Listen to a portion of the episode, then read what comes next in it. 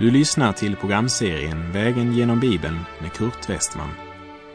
Programmet produceras av Norea Radio Sverige. Vi befinner oss nu i profeten Amos bok. Slå gärna upp din bibel och följ med.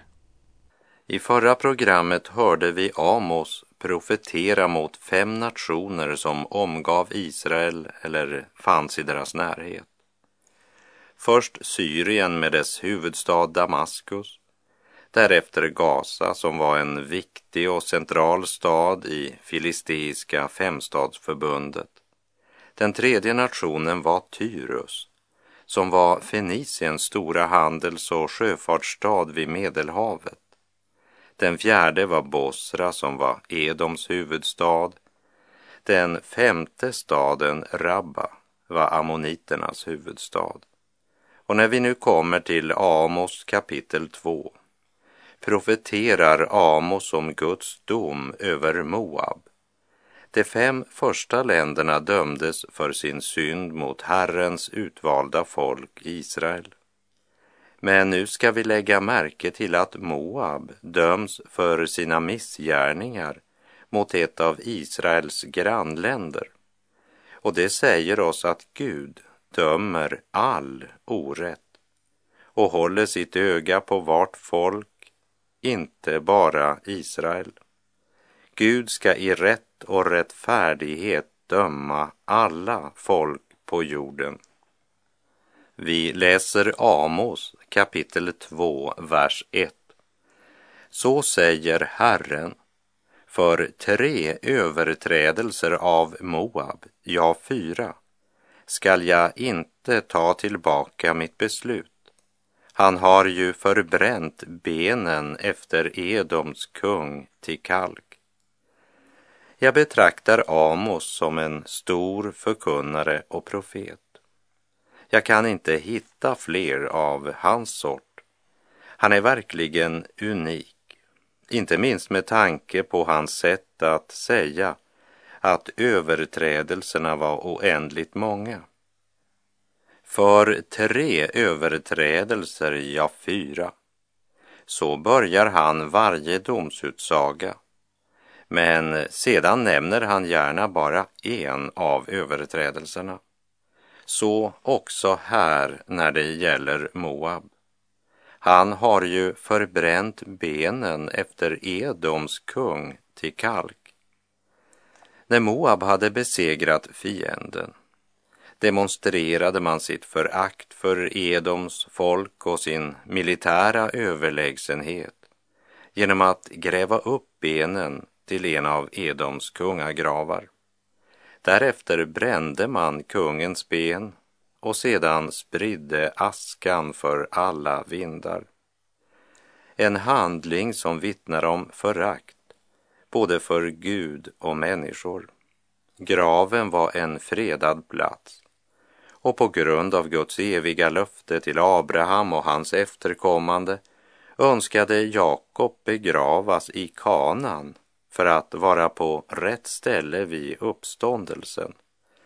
Jag citerar första Mosebok kapitel 50, vers 4 till och med 6. När sorgedagarna efter Jakob var över sade Josef till faraos husfolk om jag har funnit nåd för era ögon ber jag er säga dessa ord till farao. Min fader har tagit ed av mig och sagt, när jag är död så begrav mig i den grav som jag har låtit gräva åt mig i Kanans land. Låt mig nu fara dit upp och begrava min far och sedan komma tillbaka. Farao svarade, res dit och begrav din far enligt den ed som han har tagit av dig. Då reste Josef för att begrava sin far. Jakob ville bli begravd med sina fäder på en plats som var köpt och betald för att vara helt säker på att verkligen förbli i landet. Så han begravdes tillsammans med de andra patriarkerna. De hade alla samma uppståndelsehopp. Men graven är fredat område inte bara för judar och kristna utan i de allra flesta nationer och kulturer. Därför var det ett fruktansvärt brott Moab hade begått mot Edoms kung och därmed mot Edoms folk. Och handlingen var också en öppen förakt för den Gud som ska döma levande och döda. Och Gud skall döma Moab för detta, förkunnar profeten Amos. Vi läser Amos kapitel 2, vers 3 och 4. Jag skall sända en eld mot Moab och den ska förtära Keriots palats. Moab skall dö under stridslarm, under härskri vid basuners ljud. Den som är domare skall jag utrota ur landet och alla förstarna ska jag dräpa tillsammans med honom, säger Herren. Moab ska dö under stridslarm. Den stora ballongen kommer att spricka. Luften kommer att gå ur den stolta ballongen Moab. Och efter Nebukadnessars ödeläggelse av Moab har vi inte sett någon moabit. Men det är intressant att från de hedniska moabiterna kom det många år tidigare en stilla, älskvärd och underbar flicka som hette Rut och som blev Boas hustru. Hennes historia finner vi i en av Bibelns mest underbara böcker och hennes vidare släktlinje leder fram till Herren Jesus Kristus. Och hon kom alltså av alla platser från Moab. Den som är domare ska jag utrota ur landet, göd Herrens ord till Moabs domare. De som var betrodda att vara domare hade uppenbart inte dömt rätta domar och nu skulle de själva måste möta överdomarens straff för sin orättfärdighet. Amos hade profeterat mot sex av de kringliggande nationerna och budskapet var mer än ord. Det var Guds budskap. Även om det blev uttalat av en högst enkel boskapsherde från Tekoas utmarker. Men redan 30 år efter Amos verksamhet kom de första hemsökelserna att börja drabba dessa nationer. Och då var det nog både en och annan som drog sig till minnes vad Amos hade förkunnat.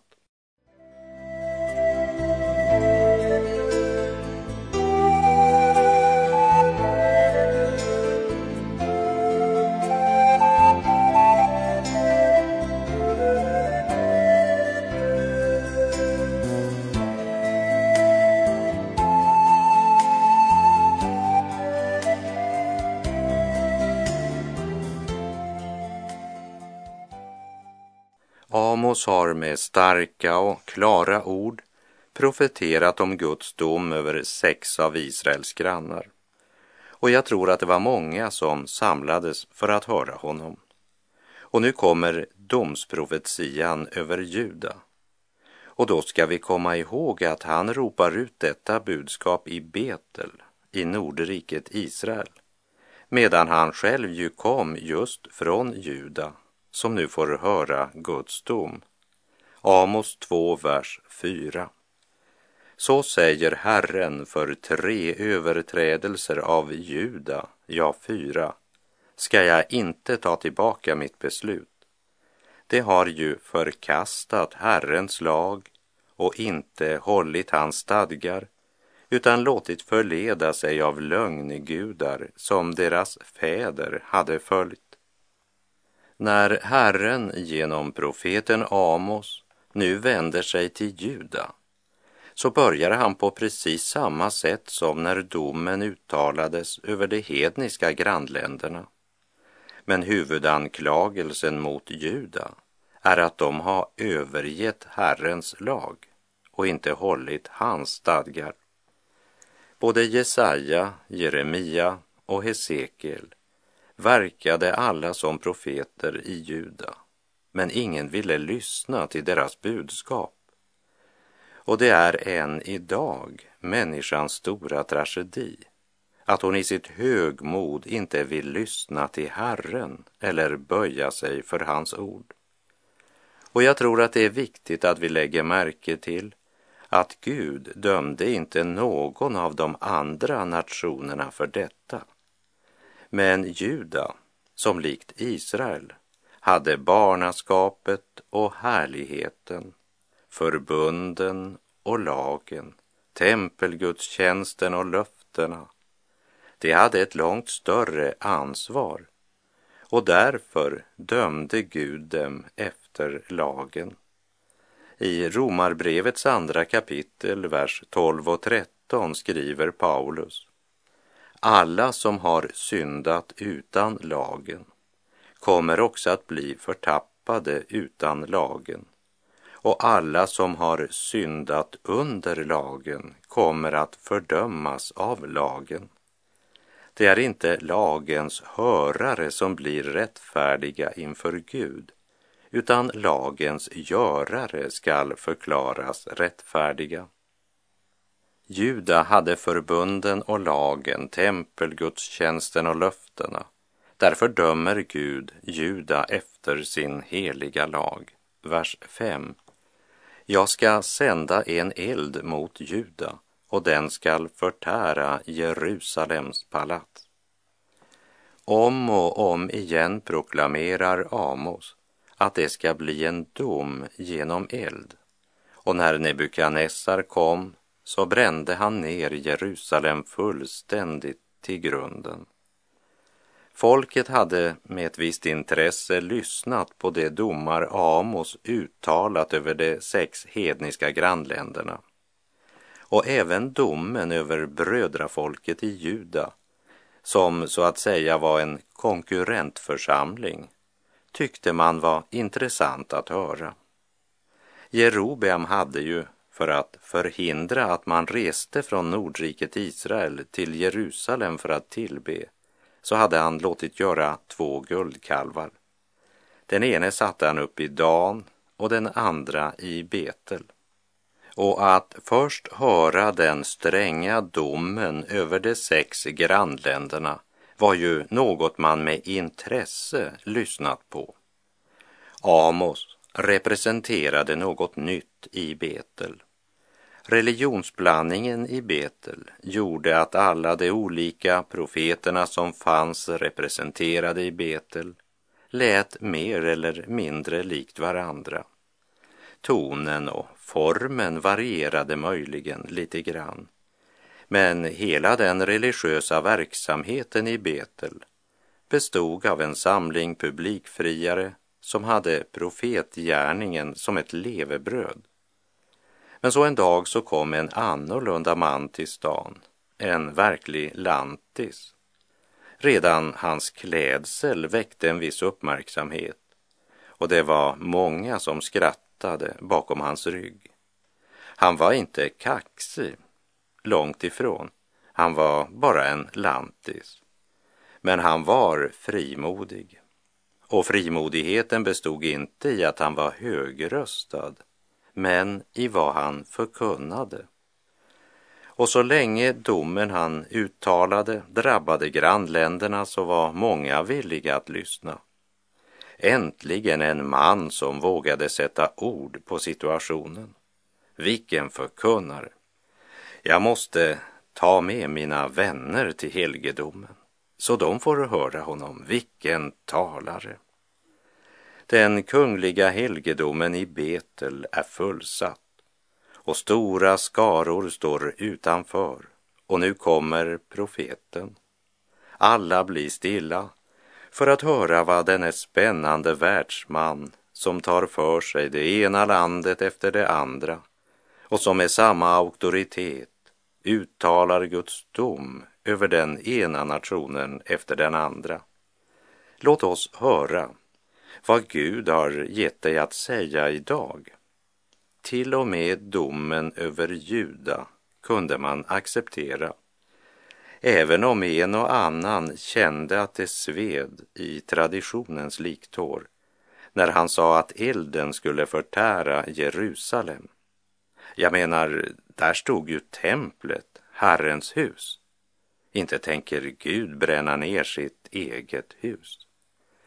Vänta lite grann, Amos. Nu börjar du väl gå lite väl långt. Templet har ju så långt vi kan minnas varit samlingsplatsen för Guds folk. Och visst samlades stora skaror fortfarande i Jerusalems tempel. Men Gud var inte längre där. Och befolkningen i Juda fick också senare genom de många prövningar som drabbade dem orsak att reflektera över sanningen i Amos profetiska budskap. Och detsamma borde vi göra. Reflektera över Bibelns budskap om människolivets två utgångar. Ansvaret för vår själ, livets förgänglighet, dödens visshet och evighetens längd. O min själ, är du väl redo? Är du redo att möta Gud? Lever du för Herren Jesus? Älskar du hans helga bud? Led mig så, o Herre Jesus, att jag efter livets slut lyckligt når den sälla hamnen och hos dig får vila ut.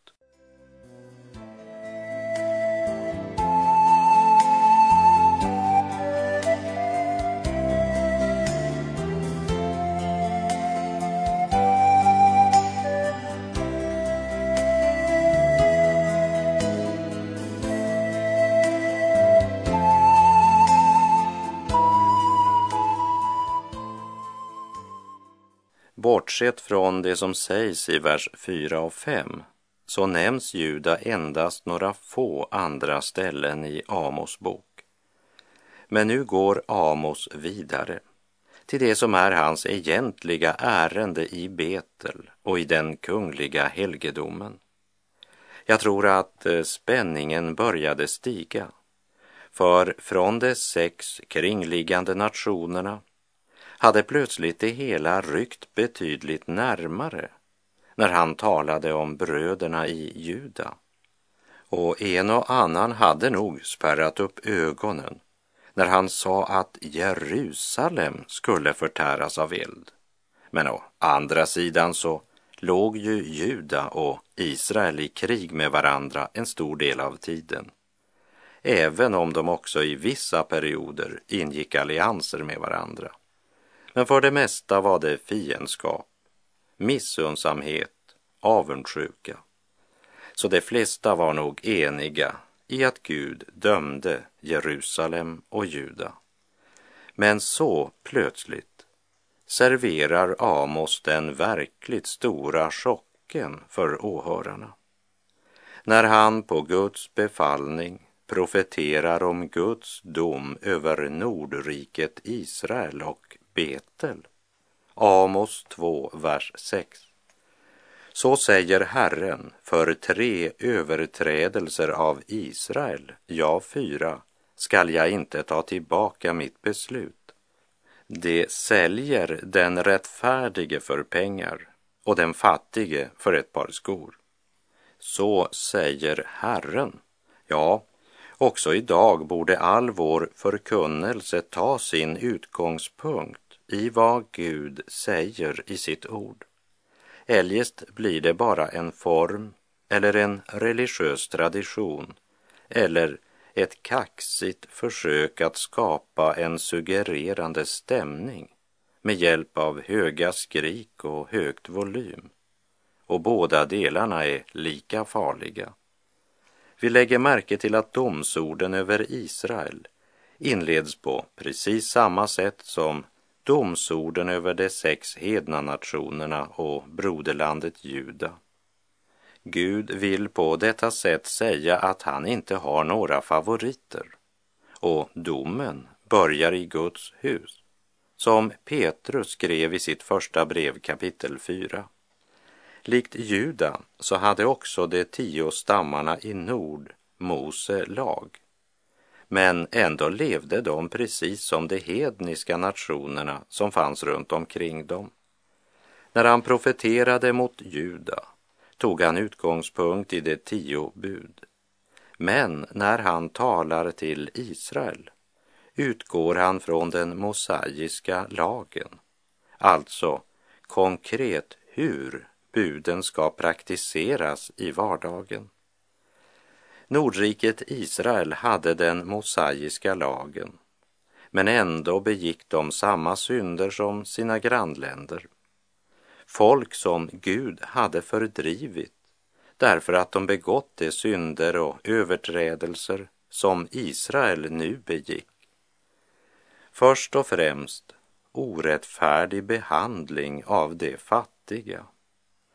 Amos har en del att säga angående de fattiga. I Amos 4.1 läser vi Hör detta ord, ni Basans kor på Samarias fjäll.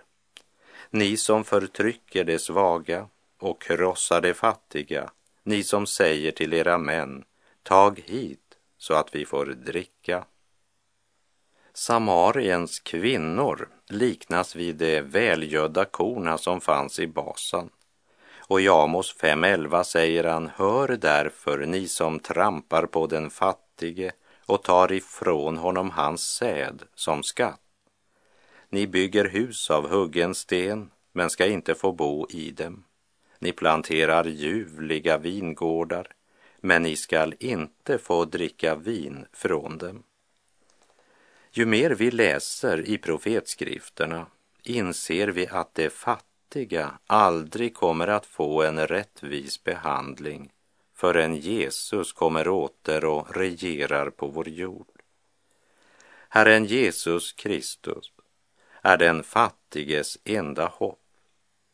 Jag är medveten om att det finns vissa politiska partier som hävdar att det talar de fattigas sak. Men de flesta politiker är ganska välbärgade män. De kan i alla fall ta vara på sig själva. Mitt enda hopp om rättfärdighet är Herren Jesus Kristus som en dag ska skapa rättfärdighet, frid och rättvisa. Gud kommer att döma den nation som utnyttjar de fattiga.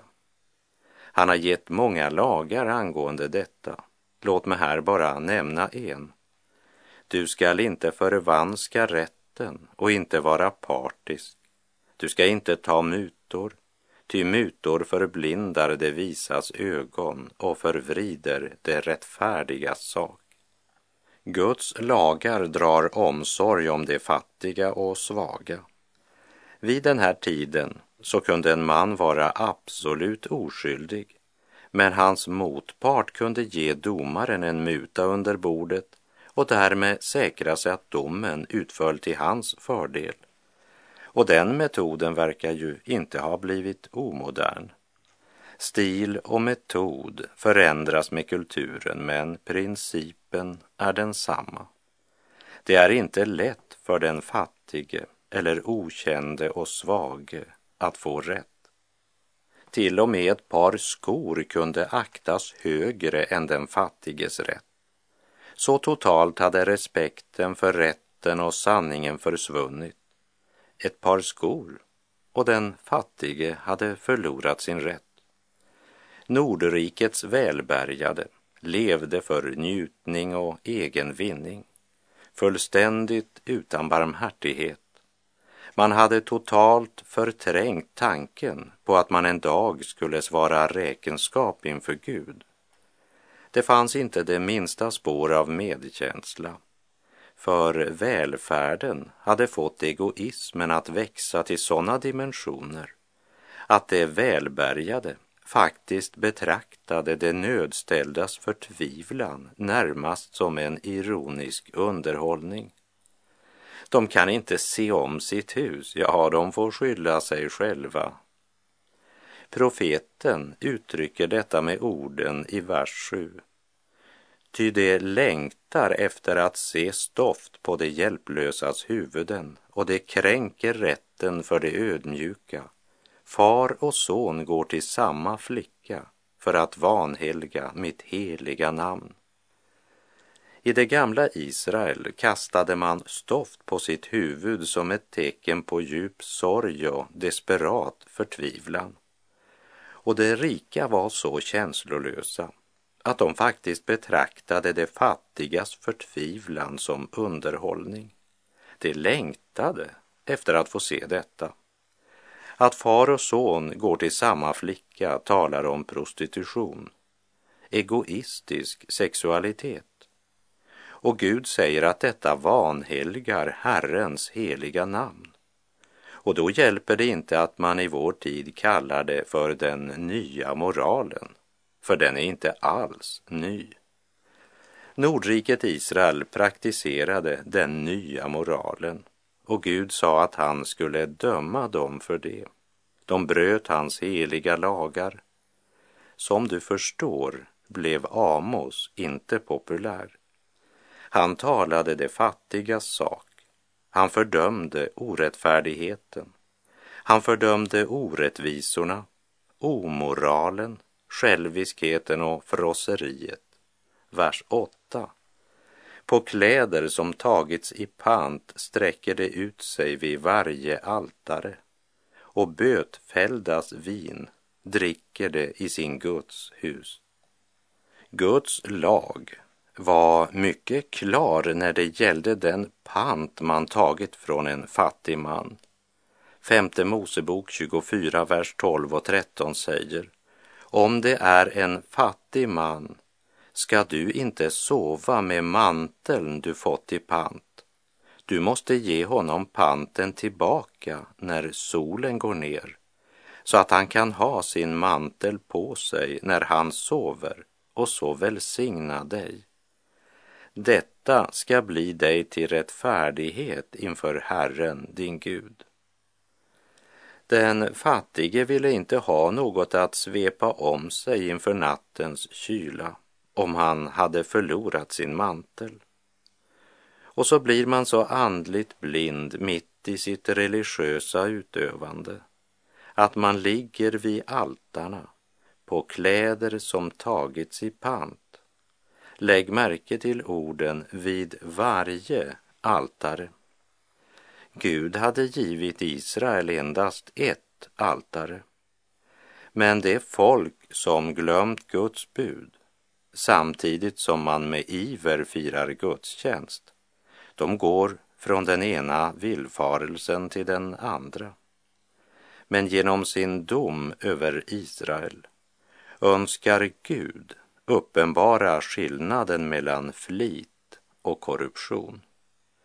Avfallet har gått så långt att det dricker det bötfälldas vin i Guds hus.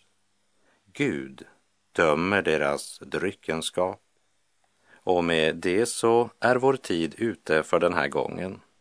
Jag säger på återhörande om du vill och om Herren ger oss båda en ny nådedag. Herren vare med dig. Må hans välsignelse vila över dig. Gud är god.